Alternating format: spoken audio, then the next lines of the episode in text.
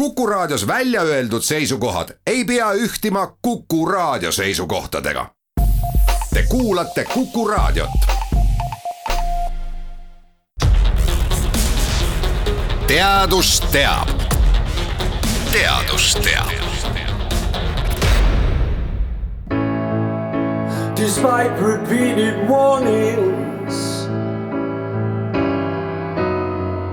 of dangers up ahead. The captain won't be listening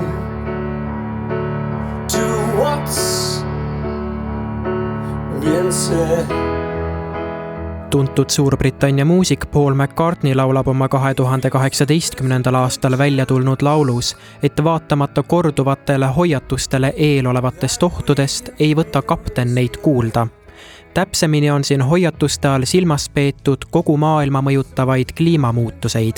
tänases Teadus teab rubriigis uuringi, kuidas ja millistes Euroopa linnades on plaanis jõuda süsinikuneutraalsuseni.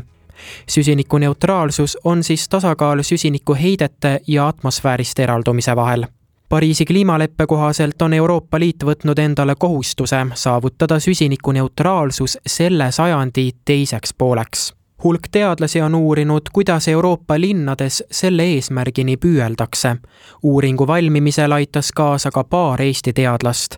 Tartu Ülikooli keskkonnatervishoiu kaasprofessor Hans Sorru selgitab lähemalt, milline seis Euroopa linnades on ja kas süsinikuneutraalsuseni jõudmine on oluline eesmärk süsinikuneutraalsus on saanud linnades väga populaarseks teemaks. kui me seda uuringut äh, alustasime, et see on selline pikemaajalisem võrgustik, siis olid äh, mõned üksikud linnad, kellel oli üldse äh, eesmärgid, et kui palju ikkagi täpselt vähendada süsinikuheitmeid ja kuidas siis kohaneda nende kliimamuutustega, siis ühel hetkel tuli selline liikumine nagu linnapeade pakt, millega liitus ka Tallinn, siis sellega võeti selline eesmärk, et siis aastaks kakskümmend kakskümmend vähendada siis süsinikuheidet siis äh, kakskümmend protsenti võrreldes teatava baastasemega. sellega liitusid väga-väga äh, paljud linnad Euroopas ja, ja see viis ka selleni, et hakati siis täpsemalt planeerima, millised on äh, need eesmärgid.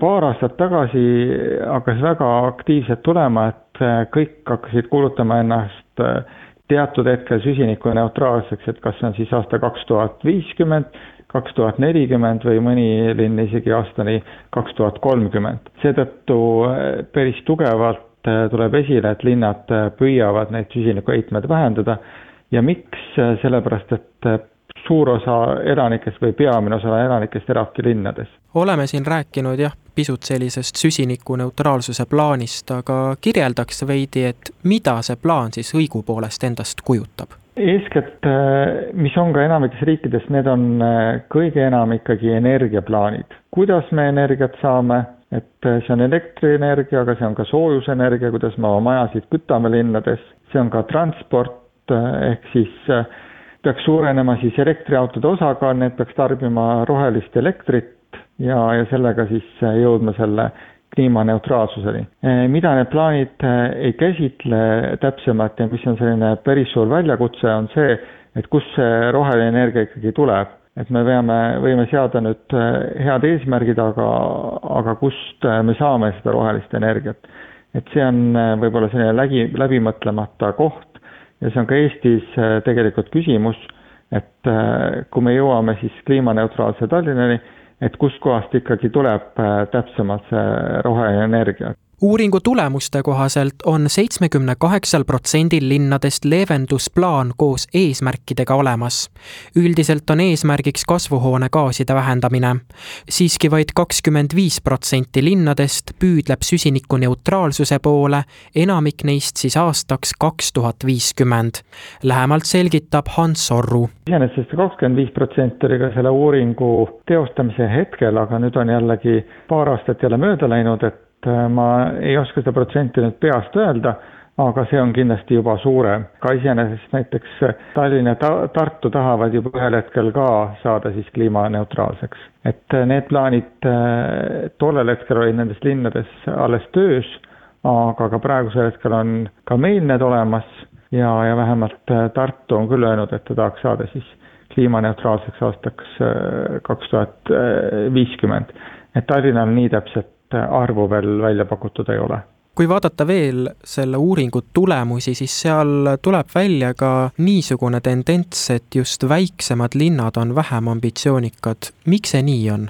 väiksed linnad teinekord saavad paremini hakkama, aga jällegi tulles tagasi, et me analüüsime neid plaane, aga kui me vaatame näiteks suuremaid linnasid, et seal on tihti suuremad osakonnad, ehk siis palju inimesi töötab teatud teema eeskätt kliimaküsimuste siis äh, juures. et kui meil on väiksem äh, linn, et siis tegelikult äh, see osakond koosnebki tihti ühest inimesest ja temal on ka muud linnamajanduse teemad ja see kliimateema on üks nendest kui vaadata Euroopas ringi, et missugustes piirkondades asuvad linnad on just need kõige ambitsioonikamad? ega siingi nagu muudes keskkonnaasjades Põhjamaad on ikkagi eespool ja kus on ka mõnevõrra lihtsam eh, neid eesmärke siis saavutada. et kus me näeme, et kus juba praegu on taastuvenergia suur osakaal, noh et siin Põhjamaades on ju hästi kasutada hüdroenergia, millega on seda suhteliselt lihtne saavutada ja, ja siis need linnad püüavad siis tarbida rohe, rohelist elektrit, et ka Eestis on näiteks see võimalus, et sinu energiapakett sisaldas siis seda rohelist elektrit ja näiteks äh, riigiasutused siis ostavadki ainult rohelist elektrit äh, linnades aga näiteks kui vaadata neid linnasid, mis ei ole niivõrd ambitsioonikad, et mis piirkondades need siis umbes asuvad? kes on natukene siis maha jäänud, on ikkagi Ida-Euroopa riigid, kus siis äh, see keskkonna pool ja keskkonnast hoidmise kultuur, ütleme nii, ei ole nii tugev, kus tegelikult ei ole ka nii häid plaane. tegelikult, et seda saavutada, on sul kõigepealt vaja siis plaani, mida me ka selles uuringus uurisime ja kui see puudub, siis me ei jõuagi ka sinna süsinikuneutraalsuse juurde Hans Orru pidas oluliseks, et olemas oleksid ka täpsemad indikaatorid, millega saab mõõta, kas püstitatud eesmärgid on ka ellu viidud.